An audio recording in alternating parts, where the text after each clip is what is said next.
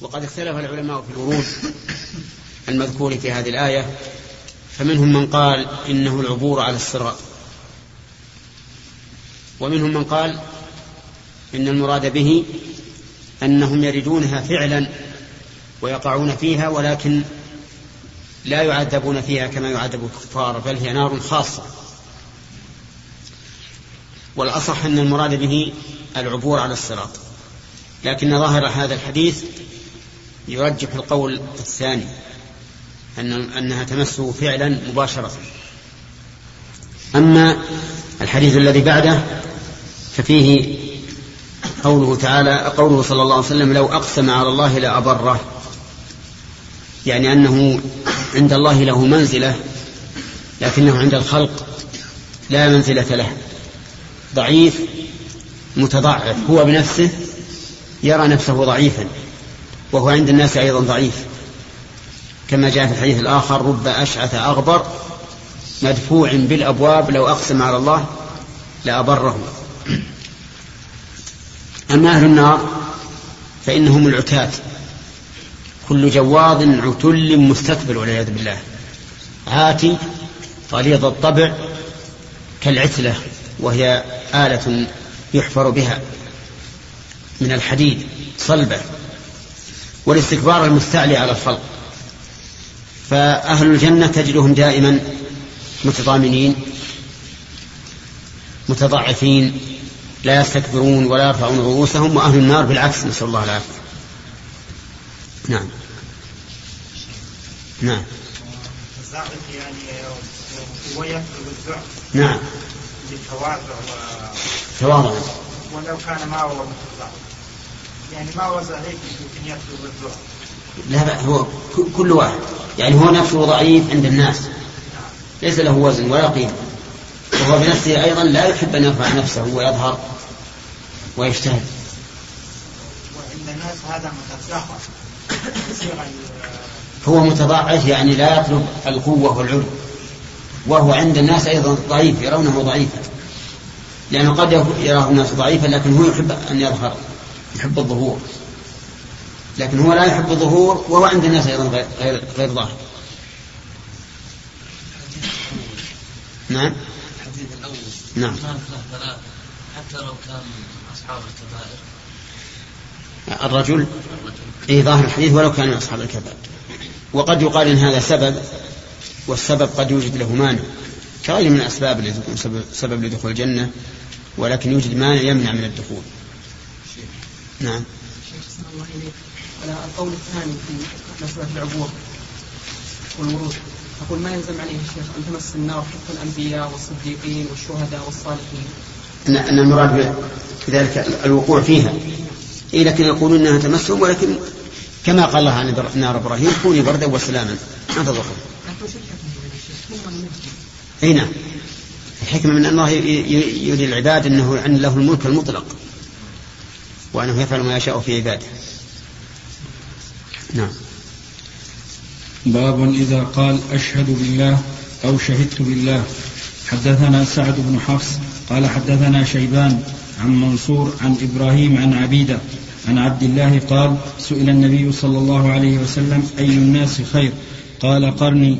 ثم الذين يلونهم ثم الذين يلونهم. ثم يجيء قوم تسبق شهادة أحدهم يمينه ويمينه شهادته. قال إبراهيم وكان أصحابنا ينهونا ونحن غلمان أن نحلف بالشهادة والعهد. نعم. الحلف بالشهادة أن يقول أشهد بالله أشهد بالله. ولهذا سمى النبي صلى الله عليه وسلم الشهادة في اللعان سماها أيمان. سماها أيمان مع أنها شهادة. شهادة أحدهم أربع شهادات بالله إنه لمن الصادقين. ويدرأ عن العذاب أن تشهد أربع شهادات بالله إنه لمن الكاذبين. فإذا قال أشهد بالله تضمن هذا شهادة ويمينا. وعلى هذا حمل البخاري هذا الحديث. تسبق شهادة أحدهم يمينه ويمينه شهادته. والوجه الثاني في الحديث أنهم إذا شهدوا أكدوا الشهادة بالأيمان. فيقول أشهد أن فلانا في ذمته لفلان كذا والله إن له فلان كذا. فهم لضعف أمانتهم وعدم ثقتهم بأنفسهم يجعلون مع الشهادة يمينا. أحيانا يحلف ثم يشهد وأحيانا يشهد ثم يحلف لأنه غير مؤتمن فهو ضعيف الأمانة عند الناس فيريد أن يقوي ذلك. باليمين مع الشهادة. شو الأشياء الشرح عندك؟ كل الشرح نعم. كل لا الجملة الأخيرة. قوله تسبق شهادة أحدهم يمينه قال الطحاوي أي يكثرون الأيمان في كل شيء حتى يصير لهم عادة فيحلف أحدهم حتى لا يراد منه اليمين ومن قبل أن يستحلف. وقال غيره المراد يحلف على تصديق شهادته قبل أدائها أو بعده. وهذا إذا صدر من الشاهد قبل الحكم سقطت شهادته.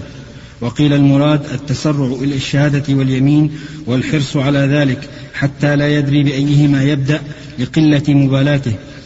قوله قال إبراهيم. القول الثاني هو الأصح أنه يؤكد شهادته بيمينه لعدم ثقته بنفسه. نعم.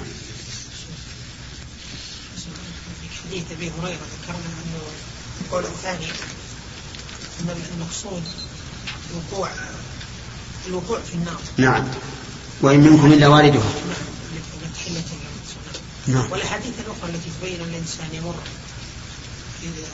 ما يمنع انه يمر كلمح البصر أو كالبرق أنه يمر ويسقط ويخرج. لأن المرور غير الورود قد يمر الشيء الإنسان بعجل ثم يقع فيه. لكن كما ذكرت لكم ان القول المختار إن المراد بالورود العبور على الصراط ومن عبر على الشيء فوقه فهو وارد له. نعم. بالنسبة إذا كانت الظهور نصب أول في الضعيف يتضاعف في نفسه. هذه مدح الشيخ أنه يضعف نفسه. نعم. هذا هو الأصل. لكن في مقام العزة والفخر لا بأس أن يفعل كما قال عليه الصلاة والسلام. إن هذه لمشية يبغضها الله إلا في هذا الموطن. فمثلا إذا قاصد الإنسان إغاظة الكفار فلا بأس. لكن إذا كان في مصر مثلا يعني يظهر؟ يعني يظهر أنه قوي يظهر قوته. هنا نعم إذا كان في مصلحة في الدين. هنا نعم. باب عهد الله عز وجل. حدثني محمد بن بشار قال حدثنا ابن أبي عدي عن شعبة عن سليمان ومنصور عن أبي وائل.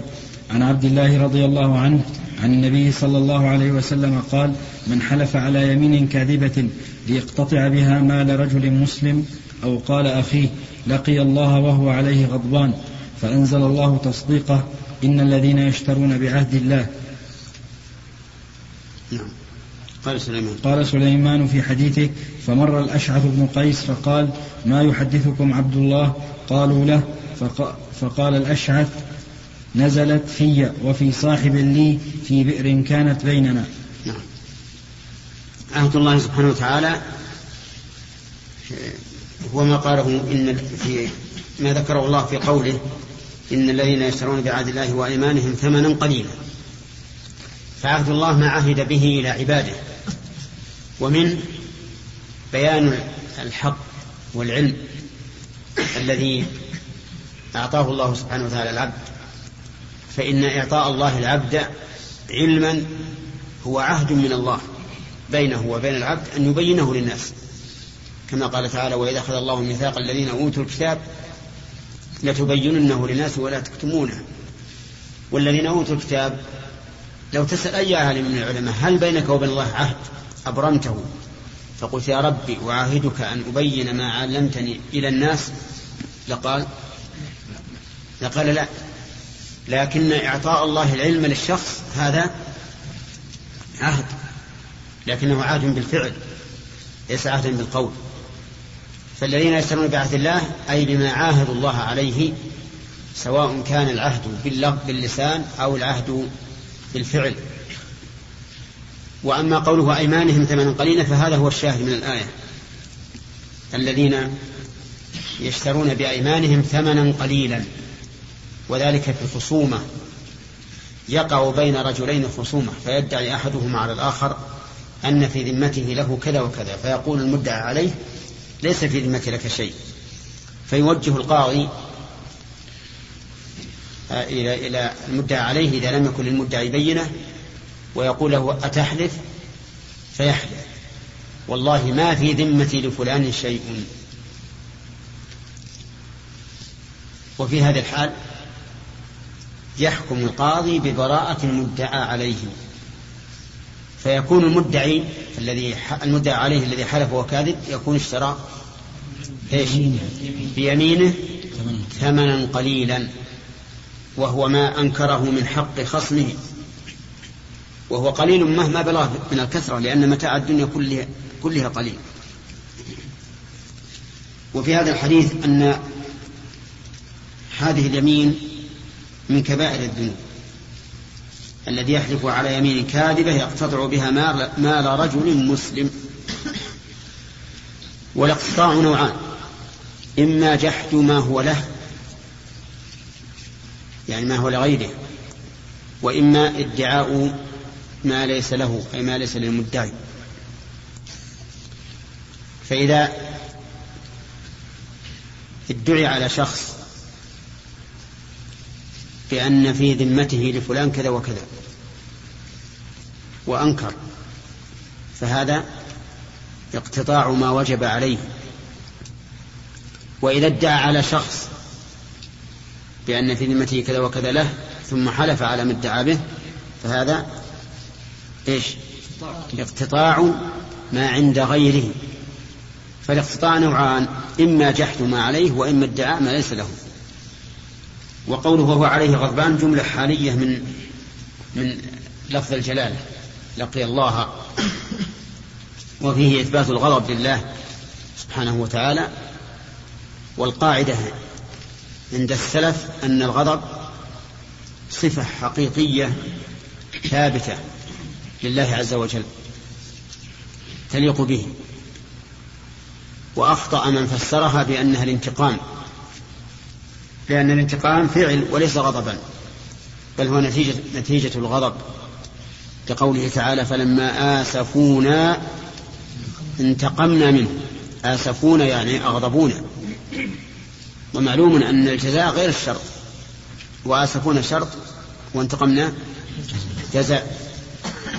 طيب. وقد أنكر الأشاعرة وغيرهم من أهل التعطيل أنكروا وصف الله بالغضب. وقالوا لأن الغضب غليان دم القلب لطلب الانتقام وهذا لا يليق بالله. وجوابنا على هذا سهل أن نقول هذا غضب من؟ هذا غضب المخلوق أما غضب الخالق فإنه يليق به. ونقول لهم أنتم أثبتتم الإرادة أن الله يريد وصححتم وصف الله بالإرادة مع أن الإرادة ميل, ميل المريد إلى ما ينفعه أو يدفع عنه مضرة ومعلوم أن الله تعالى لا ينتفع بشيء ولا يضره شيء. فإذا قالوا هذه إرادة المخلوق قلنا قولوا أيضا هذا غضب المخلوق. وأثبتوا للخالق غضبا يليق به كما أثبتم للمخلوق إرادة كما أثبتم له إرادة تليق به وإلا فأنتم متناقضون. نعم. قال رجل مسلم وغير المسلم هذا هذا بيان للغالب. بيان للغالب ولا لو اقتطع بها مال معاهد فهو كمال المسلم أما مال الحرب فهو حلال. نعم. المنتقم هل هو صفة أم اسم؟ لو كانت صفة صفة ذاتية المنتقم صفة ولكن ليست صفة مطلقة أيضا. صفة فعلية مقيدة.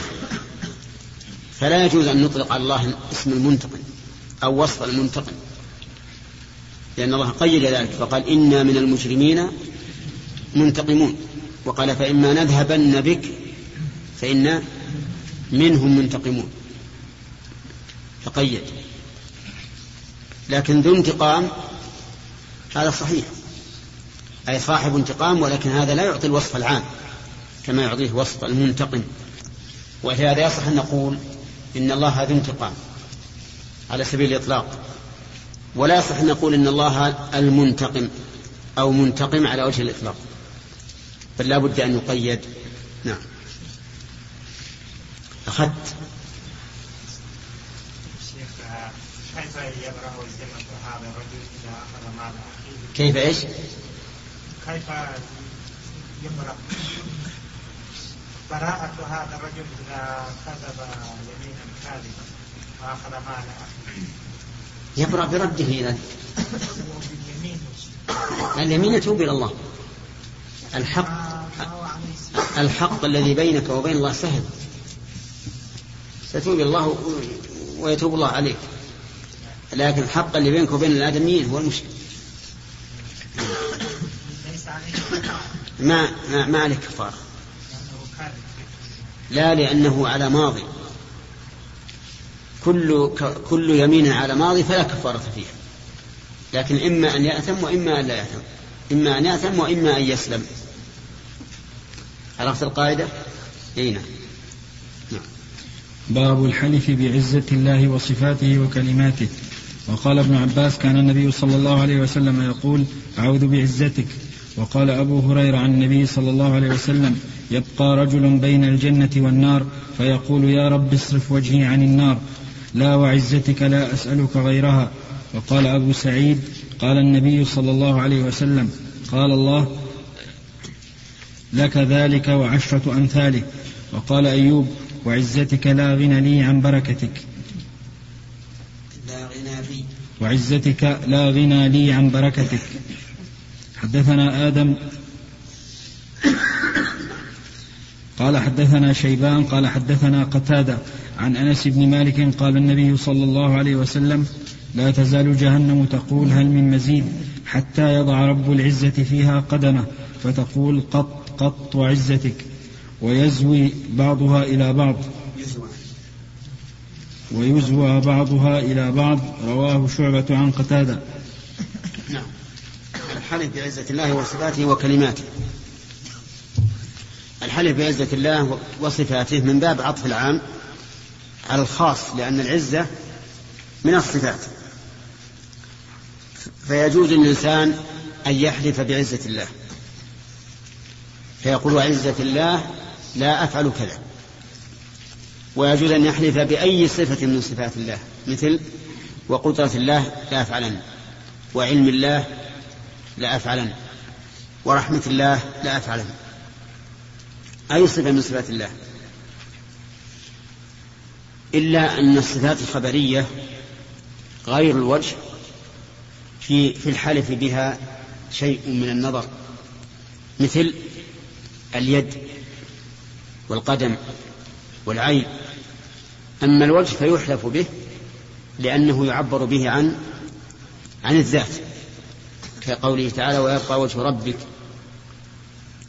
فالصفات المعنوية يحلف بها لا شك سواء كانت الصفة المعنوية ذاتية كاللازمة أو فعلية كالتي تحدث تبع مشيئة الله سبحانه وتعالى مثل النزول إلى السماء الدنيا. فإذا قلت واستواء الله على عرشه فالحلف إيش؟ جائز. ونزول الله إلى السماء الدنيا جائز. وإن كان ذلك صفة فعلية. طيب إذا قلت ووجه الله لأفعلن جائز. أما يد الله وأصبع الله وما أشبه ذلك من الصفات الخبرية فهذه في مح- في محل نظر. طيب كلماته كلماته أيضا يجوز الحلف بها وهي من صفاته لكنه لكنه عطفها على الصفات من باب عطف الخاص على العام. ففي الترجمة الآن عطف عام على خاص وعطف خاص على عام. كلمات الله سبحانه وتعالى أيضا يجوز الحلف بها. فتقول وكلمات الله التامات لأفعلن كذا. ولا بأس لأن الكلمات صفة من صفات الله سبحانه وتعالى فيجوز الحلف بها. ثم استدل البخاري رحمه الله في حديث ابن عباس أن النبي صلى الله عليه وسلم كان يقول أعوذ بعزة الله. فاستعاذ بعزة الله سبحانه وتعالى فاستنبط البخاري من ذلك جواز الحلف بالعزة. وقد قال الله عن إبليس فبعزتك لأغوينه. وهذه صيغة قسم. لأنها أجيبت بالله. جواب القسم لأغوينه. وقال أبو هريرة يبقى رجل بين الجنة والنار فيقول يا ربي اصرف وجهي عن النار لا وعزتك لا أسألك. قول لا وعزتك هذه هذه التأكيد لا وعزتك. لا أسألك غيرها. الشاهد قوله وعزتك. وقال أيوب وعزتك لا غنى بي عن بركتك. وهذا حلف نبي. والأنبياء والأنبياء مبرؤون من الشرك. فلا يمكن أن يحلفوا بيمين لا يحل القسم بها. وكذلك النار تقول قط قط وعزتك. يعني حسبي حسبي وعزتك. وقوله حتى يضع رب العزة. قد يشكل على بعض الناس كيف أضاف الرب إلى العزة وهي صفة من صفاته. غير مخلوقة. فنقول إن الرب هنا بمعنى صاحب بمعنى صاحب وليس بمعنى خالق. أي, سبحانه أي رب العزة أي صاحب العزة فيها قدمه. وفي هذا الحديث إثبات القدم لله سبحانه وتعالى وهو قدم حقيقي يليق به سبحانه وتعالى ولا يشبه أقدام المخلوقين. وأنكر أهل التعطيل هذا. وقالوا لا يمكن أن يكون لله قدم. والمراد بالقدم هنا من قدمهم الله للنار. حتى يضع ربك رب العزة فيها قدمه يعني من قدمهم إلى النار. ولا شك أن هذا تحريف. لأن وضع لأن أولا إن هذا يكون في الآخر. هذا يكون في الآخر. لا يزال يلقى فيها وهي تقول هل من مزيد. وثانيا أن قوله يزوى بعضها إلى بعض لا يناسب أن يلقى فيها أناس لأنه إذا ألقي فيها أناس فإن هذا يقتضي أن تتسع بخلاف ما إذا وضع الله فيها القدم فإنها تنضم وينزوي بعضها إلى بعض وتقول قط قط. إذا نأخذ من هذا الترجمة جواز الحلف إيش؟ بكل صفة من صفات الله بالعزة والكلمات والقدرة والعلم وكل صفة من صفات الله. نعم. شيبة. أحسن الله إليك يا شيخ في الحديث حق الأشعر قال ما يحدثكم عبد الله؟ نعم. كيف يسأل ويجيب؟ يقول نزلت في هذه الآية. إيه؟ لأنه ما يدري وش حدثهم به. فلما حدثوه أخبروه بما بأنه يحدث بهذا قال إن هذه لا نزلت فيه وفي صاحبه. يعني يجوز الإنسان يطلع إيش؟ يجوز الإنسان إذا دخل في مكان يسأل ما هو الحديث الذي هو هو هو يريد العلم. لأن عبد الله بن مسعود يحدثهم بعلم. ما هي مسائل دنيوية؟ نعم. نعم. لكن لا يجوز دعاء الصفات. دعاء الصفات لا يجوز. وأما قوله برحمتك أستغيث وما أشبه ذلك فالمعنى أستغيث بك لأنك رحيم. نعم. نعم فهد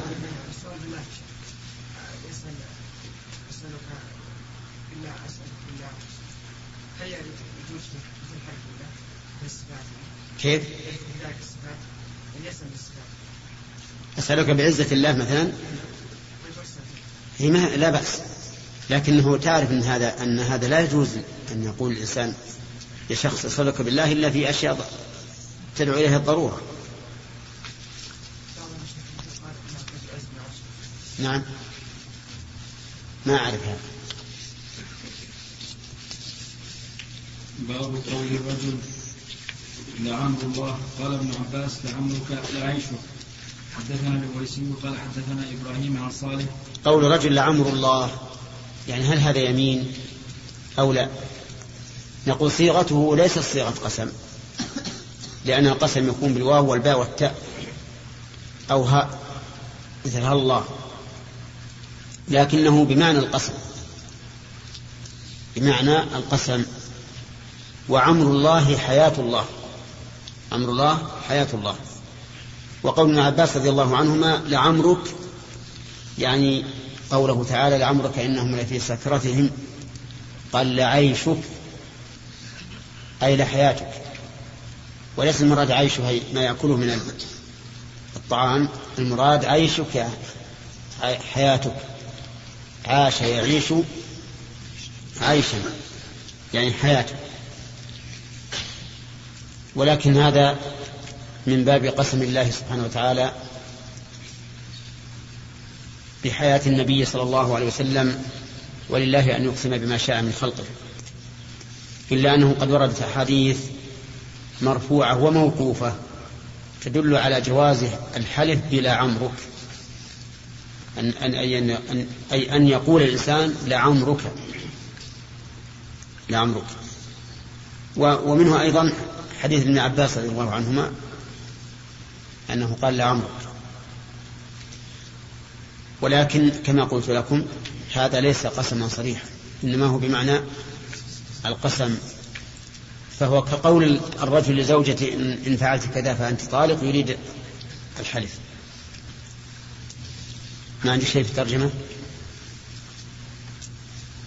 قوله باب قول الرجل لعمر الله. أي هل يكون يمينا وهو مبني على تفسير لعمر ولذلك ذكر أثر ابن, أثر ابن عباس وقد تقدم في تفسير سورة الحجر وأن ابن أبي حاتم وصله. وأخرج أيضا عن ابن الجوزاء عن ابن عباس قوله في قوله تعالى لعمرك أي حياتك. قال الراغب العمر بالضم وبالفتح واحد ولكن خص الحلف بالثاني. قال الشاعر عمرك الله كيف يلتقيان؟ أي سألت الله أن يطيل عمرك. وقال أبو القاسم الزجاج العمر الحياة.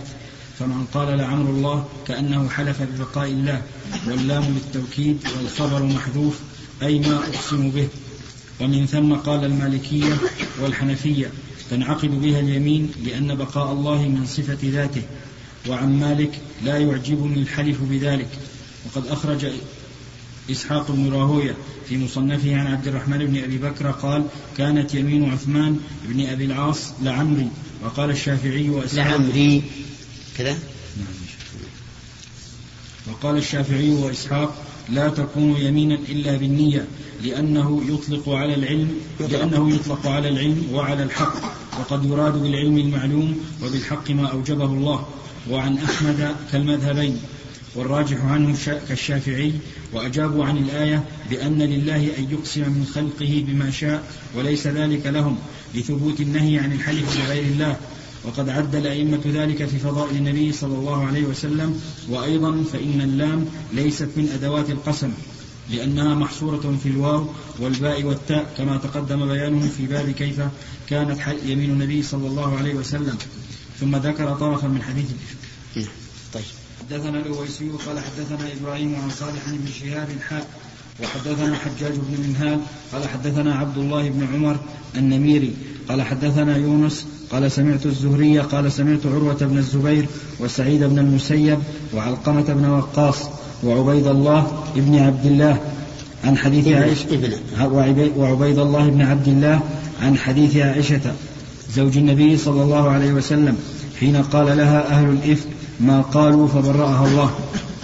وكل حدثني طائفة من الحديث فقام النبي صلى الله عليه وسلم فاستعذر من عبد الله بن أبي فقام أسيد بن حضير فقال لسعد بن عبادة لعمر الله لنقتلنه. الشاهد قول لعمر الله وأقرهم النبي صلى الله عليه وسلم على ذلك. وعمر الله يعني إيش؟ يعني حياته.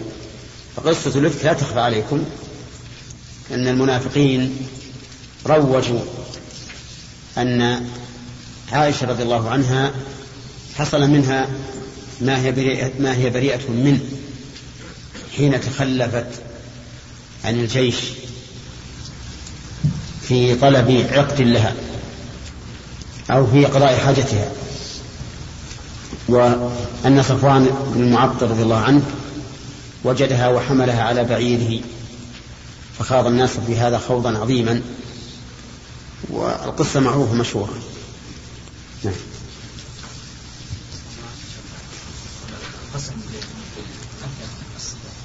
إيش؟ مثل. هذا صفة. هنا والوجه الوجه له نور نور في نفس الوجه.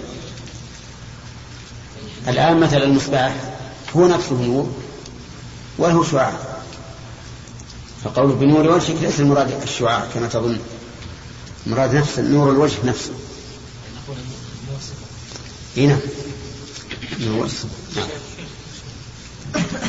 بالنسبة اختصاص المسلم من المسلم يوم القيامة واضح عن طريق أخذ أعماله.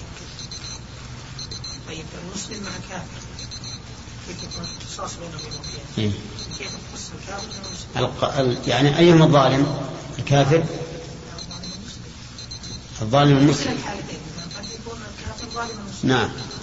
الله أعلم لكن قد نقول ولكن العلم عند الله أنه يخفف عن عن الكافر من العذاب بقدر مظلمته ثم يعذب العذاب اللائق به وكذلك بالعكس. يشدد عليه بالعذاب. نعم. إيش؟ إيش؟ ما هو وجه النهي شيخ الإسلام يقول إنها كفر باتفاق المسلمين.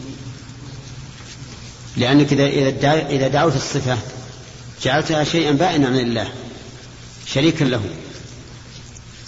فإذا قلت يا قدرة الله اغفري لي مثلا فقد جعلتها شيئا شيئا آخر غير الله يدعى.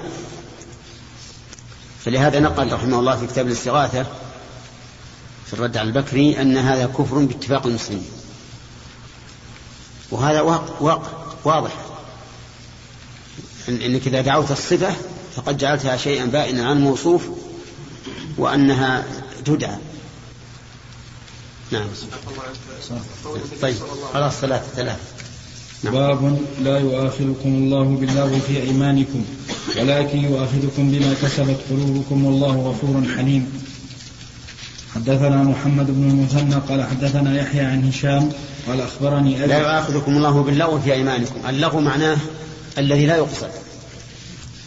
ولهذا قال ولكن يؤاخذكم بما كسبت قلوبكم. وفي آية المائدة قال يؤاخذكم بما عقدتم الأيمان أي بما أنفذتم عقده وأحكمتم عقده. فالشيء الذي لا يقصد هذا له. نعم. عن عائشة رضي الله عنها قالت لا يؤاخذكم الله بالعفو. قالت قال قالت أنزلت في قوله لا والله وبلا والله كيف؟ عن عائشة رضي الله عنها.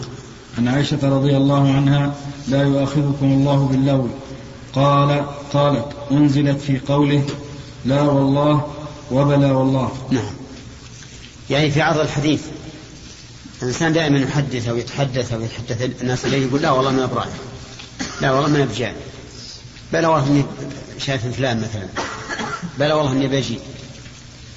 هذه كلمات لغو لا يؤاخذ الإنسان عليه. لا من جهة انعقادها وإلزامه بالكفارة إذا حنث ولا من جهة الإثم بها. حتى الإنسان لا يأثم بهذا اليمين لأنه غير قاصد له. واستدل كثير من العلماء بهذه الآية على أن كل كلام لا يقصد فلا حكم له. فعلى هذا يوجد في بعض الناس يكثر في, في على ألسنتهم الطلاق. يقول علي الطلاق ما فعلت كذا علي الطلاق لا فعل كذا لكنهم لا يقصدونه. فيجعل هذا فيجعل هذا كحكم اليمين حكم اليمين. لغو لا يؤاخذ به الإنسان. وهناك فرق وظاهر بين الشيء الذي تقصده وتعزم عليه وبين الشيء الذي يأتيها بدون قصد. فالثاني لا حكم له. والأول هو الذي يؤاخذ به الإنسان. نعم. النبي صلى الله عليه وسلم كان في الله الحديث الذي ذكره المؤلف إلا يوم القيامة الحديث الذي ذكره المؤلف نعم. نعم. يوم القيامة نعم. يقول الرجل في ويقول النار أيضا نعم. نعم الصفة صفة الله تعالى من الله. لأن الصفات تابعة للموصوف فكما أن أن الله عز وجل عظيم جليل حقيق أن يقسم به فكذلك صفاته عظيمة جليلة حقيقة أن يقسم بها نعم.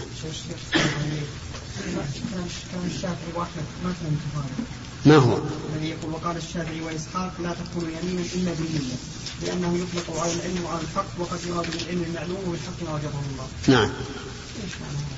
يعني معناه ان ما إن ما تكون هذه يمين يمينا إلا إذا نوع اليمين. لماذا؟ لأنها قد قد لا تطلق على الصفة. قد تطلق على المعلوم والمعلوم شيء بائن عن الله ليس من صفته. فلما كانت محتملة للصفات للصفة ومحتملة للمخلوق لا تكون فإنها لا تكون يمينا إلا بالنية التي تعين أحد الاحتمالين. إي نعم نعم. قد يراد بعلم الله معلوم. مثل قوله تعالى ولا يحيطون بشيء من علمه إلا بما شاء. فإن معناها على أحد القولين من معلومة إلا بما شاء.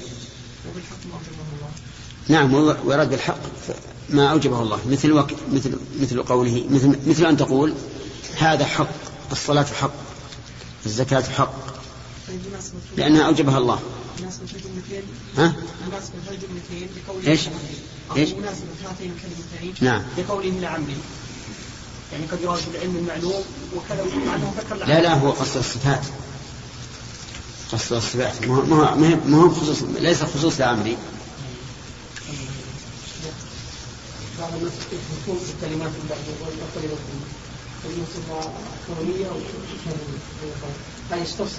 لا لا هذا اللي يستفصل آيات الله. هي اللي يستفصل. أما كلمة الله كلها غير مخلوقة حتى الكلمات الكونية التي بها يخلق عز وجل هي غير مخلوقة. إيه؟ الآيات هي التي يستفصل فيها.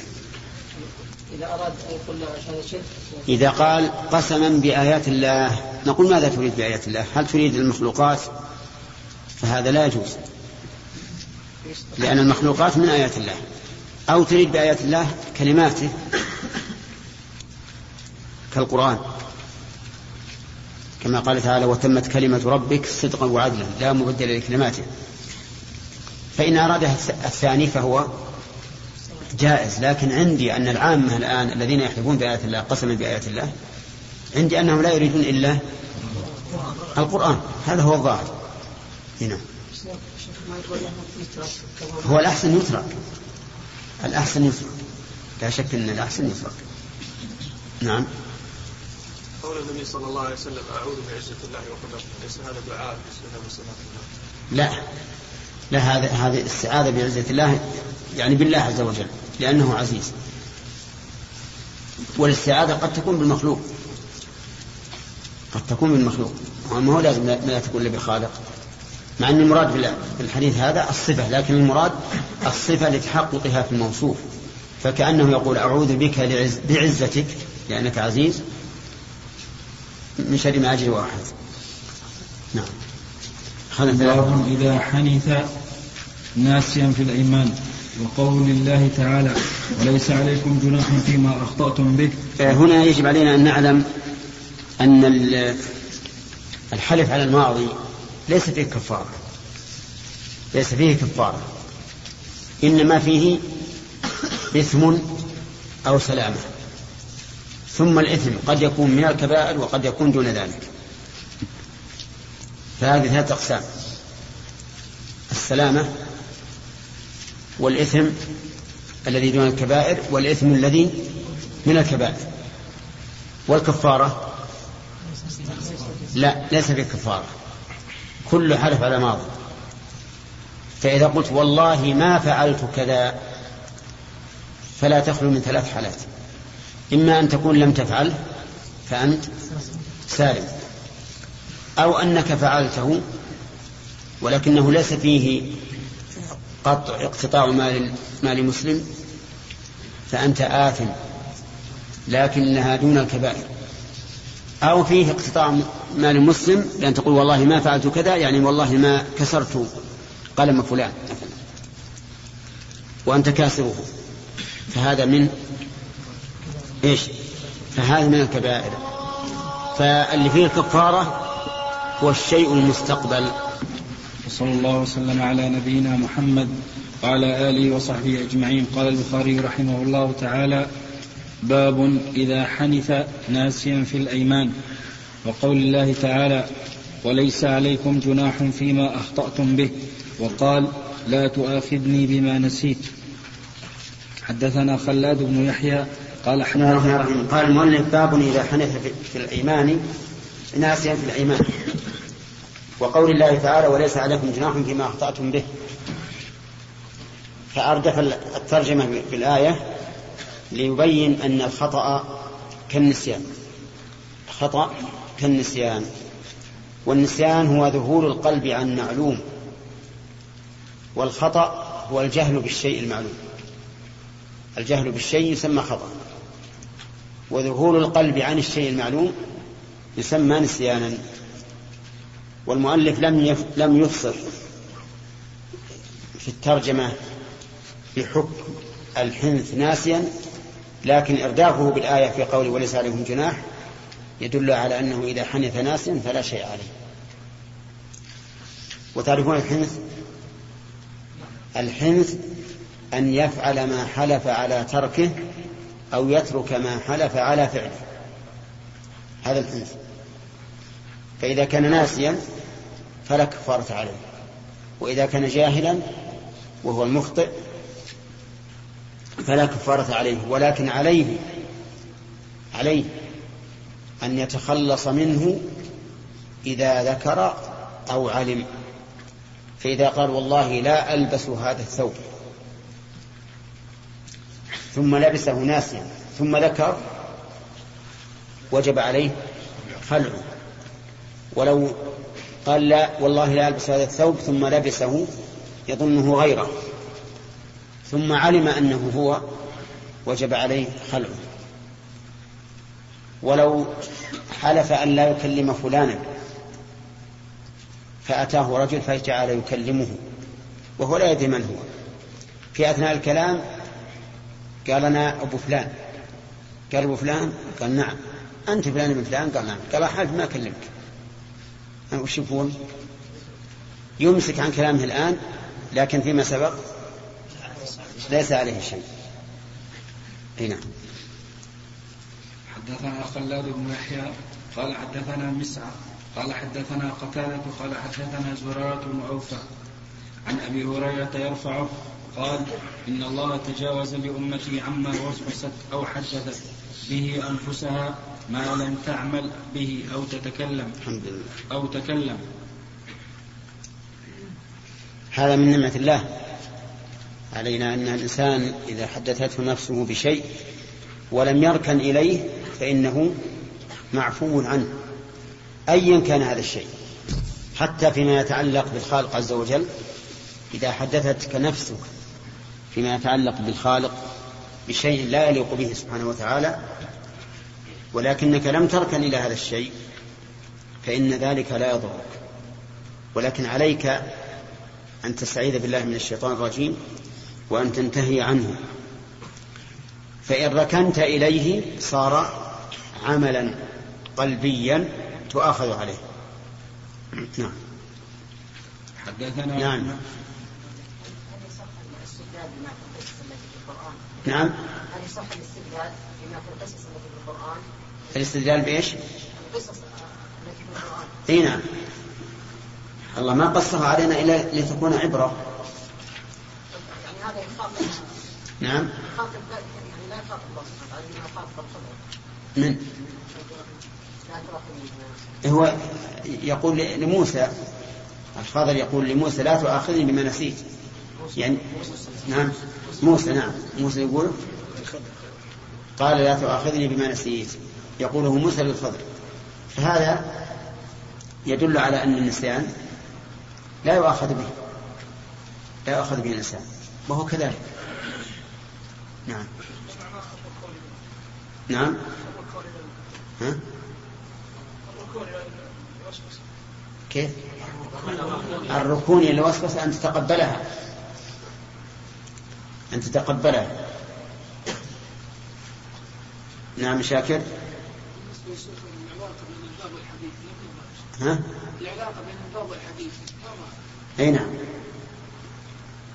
العلاقة بين الباب والحديث هو أن حديث النفس لا يؤاخذ به لأنه يقع أحيانا بغير اختيار الإنسان وبغير إرادته.